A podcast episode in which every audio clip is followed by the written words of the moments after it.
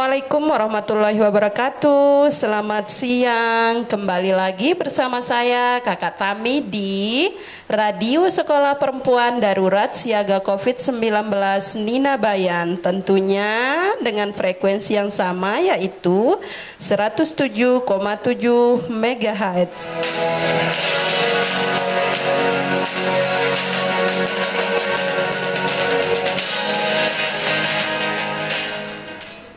Bagaimana kabarnya adik-adik sore hari ini? Semoga semua dalam keadaan sehat walafiat ya. Dan alhamdulillah pada sore hari ini kita melihat e, cuaca sudah tidak seperti hari kemarin ya. Alhamdulillah semuanya semoga kita dapat beristirahat siang dengan baik.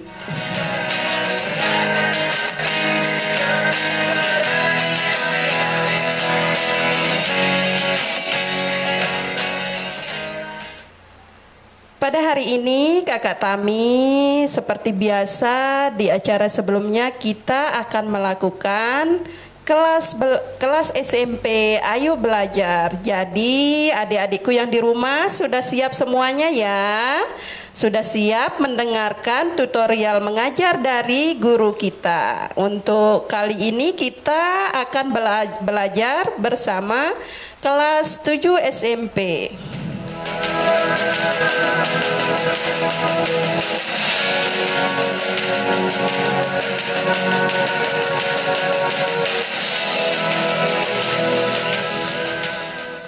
Iya, untuk pertemuan kali ini kita akan belajar tentang mata pelajaran IPS. Nanti akan disampaikan oleh Ibu Guru Wiwin.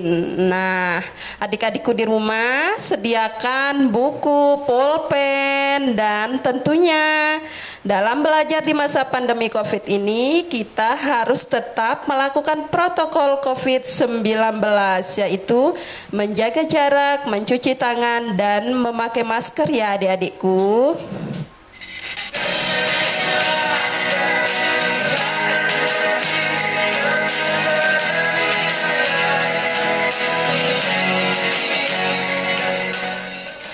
Oke, selanjutnya kita uh, kita langsung saja ya untuk mendengar pembelajaran dari ibu guru kita yaitu Ibu Guru Wiwin. Silahkan Ibu Guru. Terima kasih Mbak Tami. Assalamualaikum warahmatullahi wabarakatuh. Langsung aja Mbak ke materi atau perkenalkan diri dulu. Perkenalkan nama lengkap Ibu Guru Baik Wiwin Sastika ngajar di SMPN 3 Bayan. Kali ini kita akan belajar pelajaran ilmu pengetahuan sosial materi kelas 7 masih di bab 2 karena pas Covid kemarin kan kita belum terlalu maksimal tentang materinya. Kita sekarang masuk ke bab 2 yaitu tentang interaksi sosial. Adapun tujuan kita belajar hari ini baiknya anak-anak mencatat dulu ya, mencatat apa poin-poin tujuan kita belajar hari ini. Yang pertama, anak-anak bisa menyimpulkan apa arti dari interaksi sosial. Yang kedua, faktor-faktor interaksi sosial. Yang ketiga, syarat-syarat interaksi sosial. Manusia terkenal dengan sebutan makhluk sosial. Tentunya anak-anak sudah tahu ya apa itu artinya makhluk sosial. Makhluk sosial adalah makhluk hidup yang tidak bisa hidup sendiri atau manusia yang tidak bisa memenuhi kebutuhan hidupnya sendiri. Contohnya, seorang guru. Seorang guru itu kan memerlu, memerlukan makanan. Nah, dia tidak bisa memenuhi kebutuhannya sendiri, otomatis dia akan membeli kebutuhan pokoknya pada pedagang. Atau contoh Pak petani. Pak petani menanam tanaman, contohnya padi. Nah, dia di sini tidak bisa memproduksi pupuk karena dia membutuh, membutuhkan pupuk, otomatis dia membeli pupuk dari orang lain. Nah, itulah sebabnya kenapa kita harus melakukan interaksi sosial.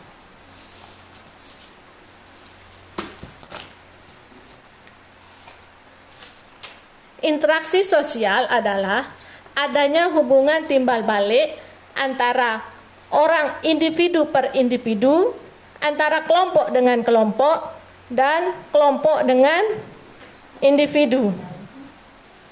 Individu dengan individu, contohnya, kalau kalian sedang berbicara dengan teman sebangku, itu nama itu salah satu contoh dari interaksi sosial individu dengan individu. Individu dengan kelompok. Contohnya, ibu bapak guru yang sedang mengajar di dalam kelas.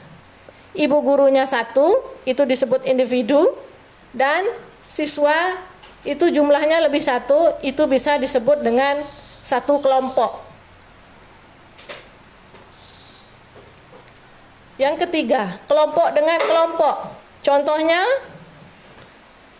kalian pernah memperhatikan pertandingan sepak bola. Itu jumlahnya lebih dari satu ya. Misalnya satu kelompok dengan satu kelompok. Itu namanya interaksi sosial kelompok dengan kelompok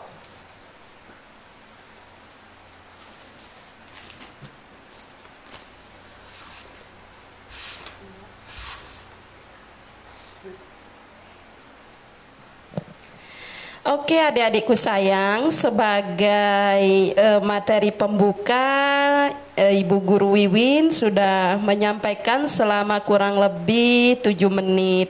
Tentunya adik-adikku uh, harapan Kak Tami supaya bisa mengikuti dengan baik ya. Nah, supaya adik-adikku tidak bosan di rumah, kita akan mendengarkan satu lagu berikut ini.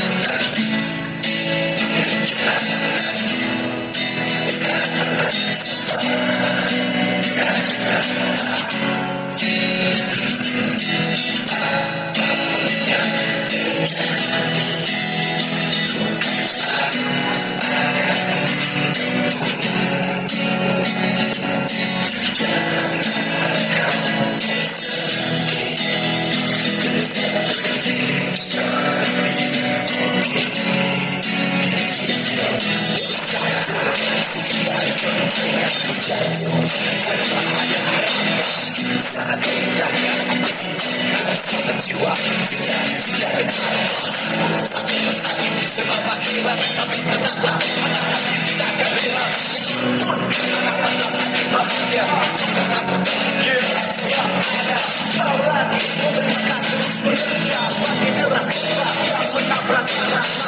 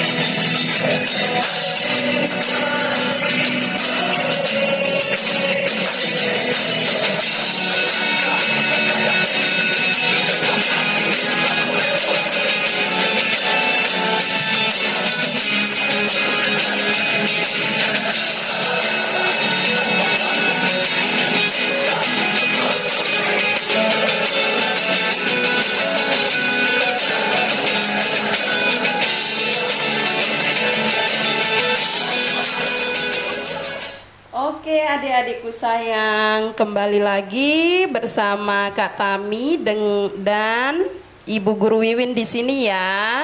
Uh, sebelum kita lanjut ke materi berikutnya, jangan lupa bagi adik-adikku yang di rumah yang ingin bertanya, mungkin tidak bertanya hari ini, tetapi bisa jadi mungkin besok bertanya adik-adikku ya. Boleh bertanya melalui call center kami yaitu 081236001919 sekali lagi jika adik-adikku yang ada yang ingin bertanya tentang materi yang akan disampaikan oleh Ibu Guru Wiwin hari ini bisa melalui call center kami 0812 3600 1919 adik-adikku ya.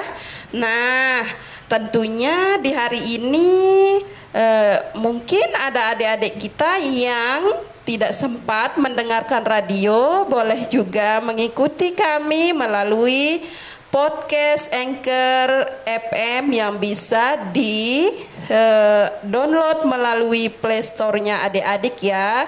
Tentunya bagi adik-adik yang punya HP Android. Oke, selanjutnya uh, materi selanjutnya akan disampaikan oleh Ibu Guru Wiwin kembali ya. Simak baik-baik ya adik-adikku. Silahkan Bu Guru Wiwin. Baiklah, kita lanjut ke materi lagi ya anak-anak yang tadi tentang pengertian interaksi sosial. Kira-kira sudah paham enggak?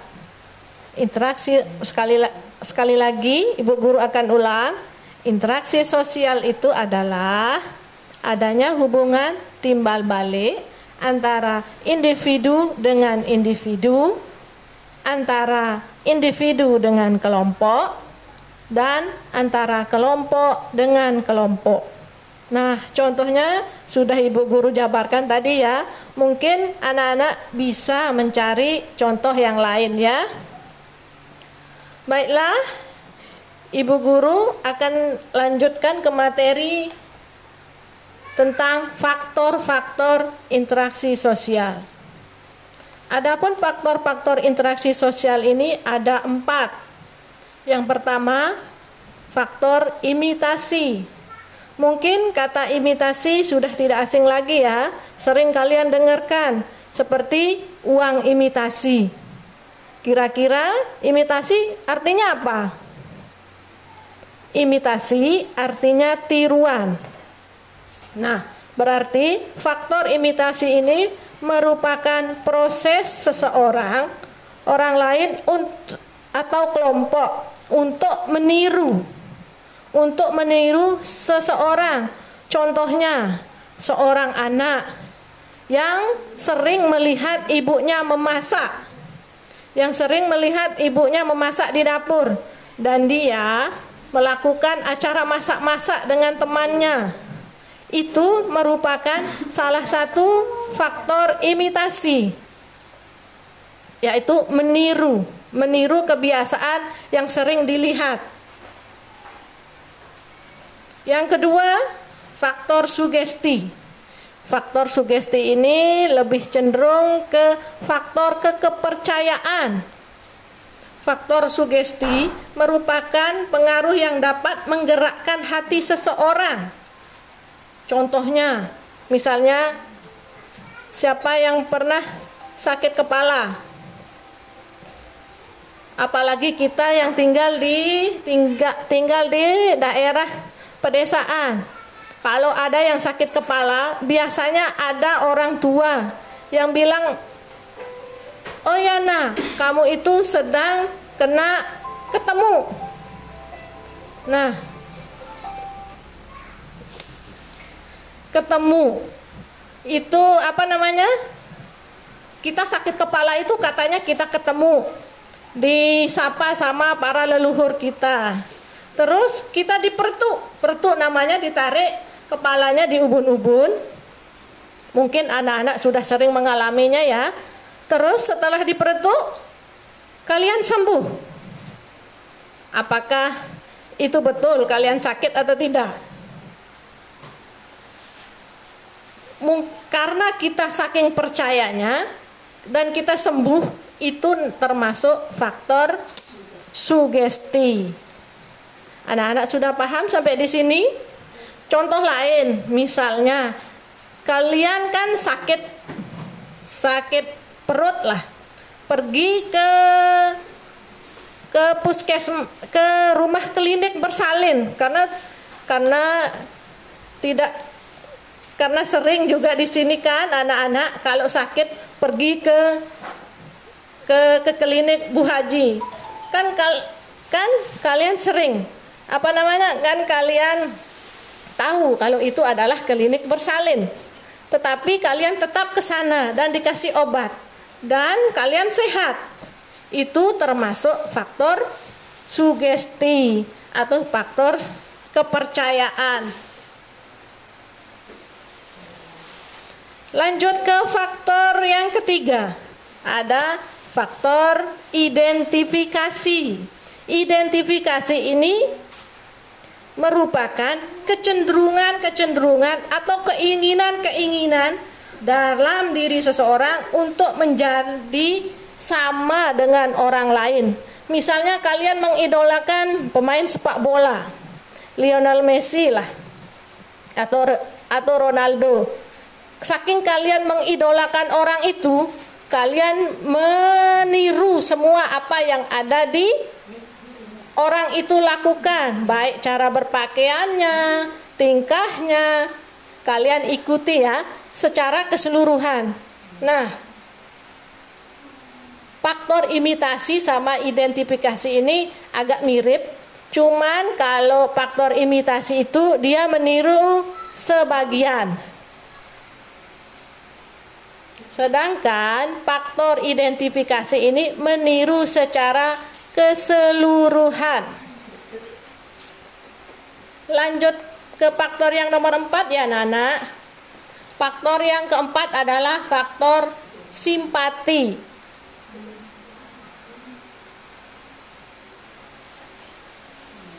Mungkin kata simpati anak-anak sudah sering dengar ya. Simpati di sini bukan berarti yang misalnya anak cowok naksir anak cewek, aku simpati padamu. Itu ter, apa namanya?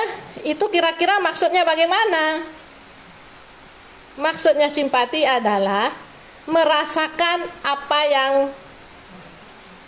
ingin merasakan apa yang orang lain rasakan. Contohnya, Misalnya ada tetangga kita yang sedang terkena musibah dan kita pergi menjenguknya atau merasakan apa yang mereka rasakan. Itu merupakan faktor simpati.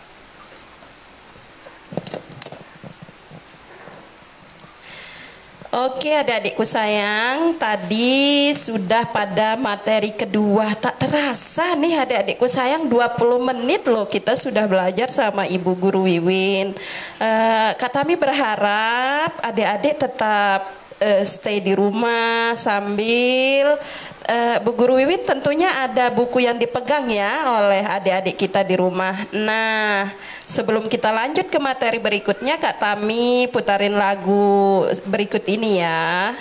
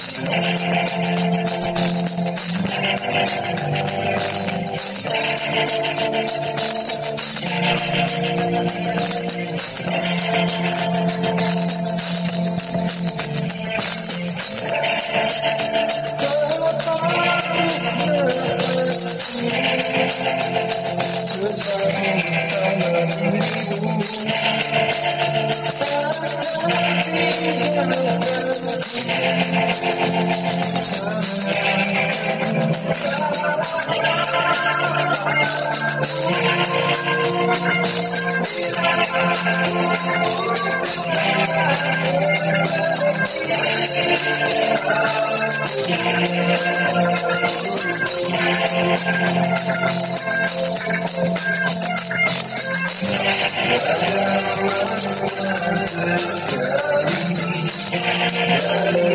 you.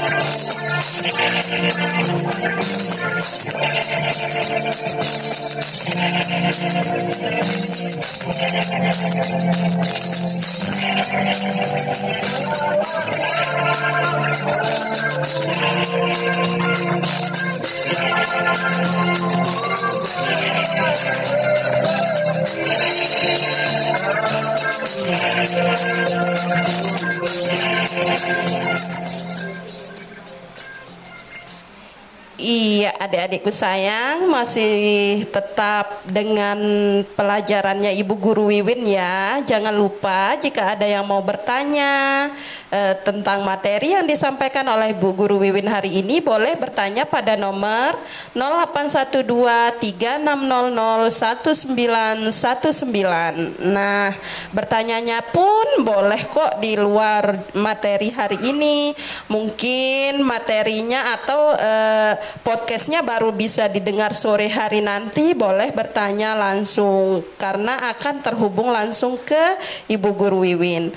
Nah, untuk terakhir materi akan disampaikan selanjutnya oleh Ibu Guru Wiwin. Selamat mendengarkan ya adik-adikku sayang. Silahkan Ibu Guru Wiwin.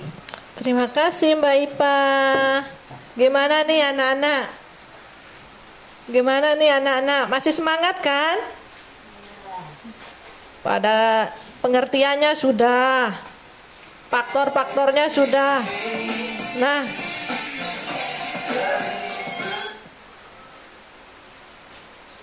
sekarang kita lanjutkan ke bentuk-bentuknya ya.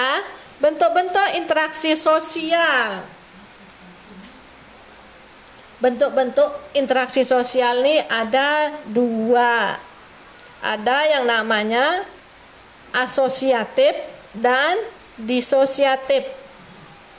Apa itu proses interaksi sosial asosiatif?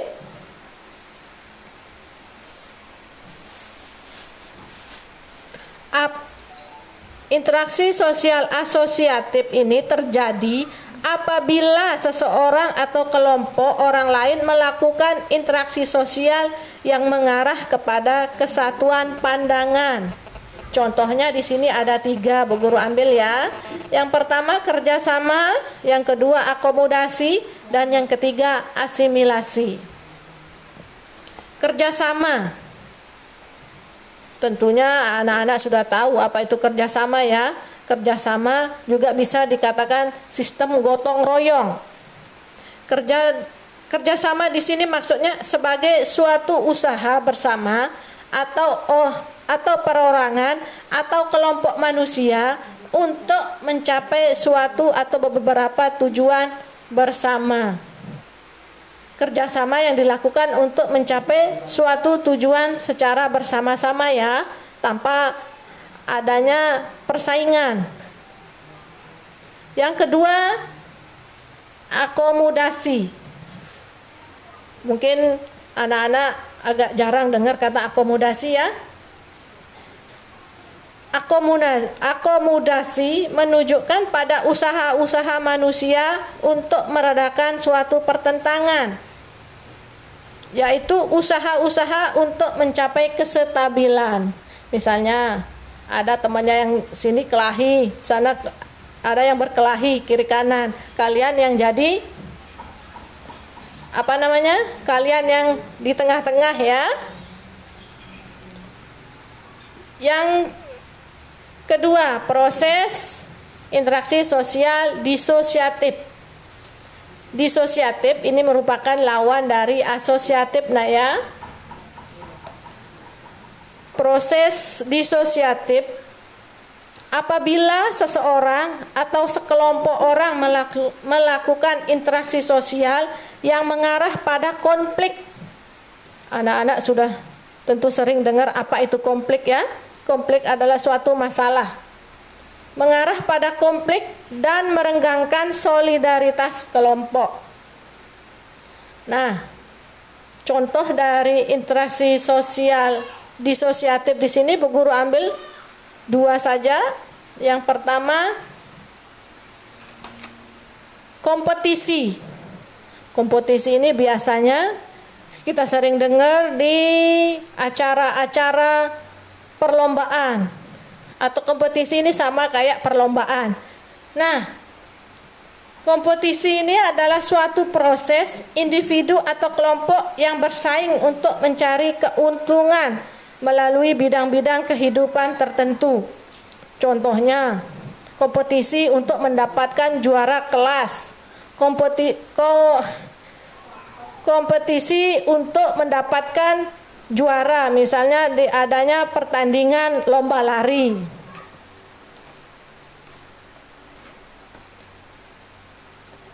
Contoh interaksi sosial disosiatif yang kedua yaitu konflik.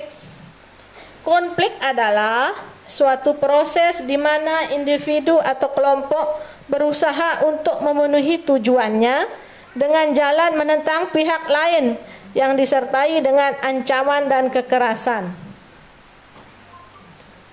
Anak-anak tentu sering pernah lihat orang demo di TV ya. Atau ada anak-anak di sini yang pernah ikut demo. Itu merupakan salah satu contoh dari konflik karena dia mengandung kekerasan karena ada yang karena ada korban. Biasanya kalau kita melakukan demo otomatis apa saja yang apa saja yang dapat merugikan. Yang pertama misalnya lingkungannya itu banyak tanamannya dicabut, sampahnya berserakan ya.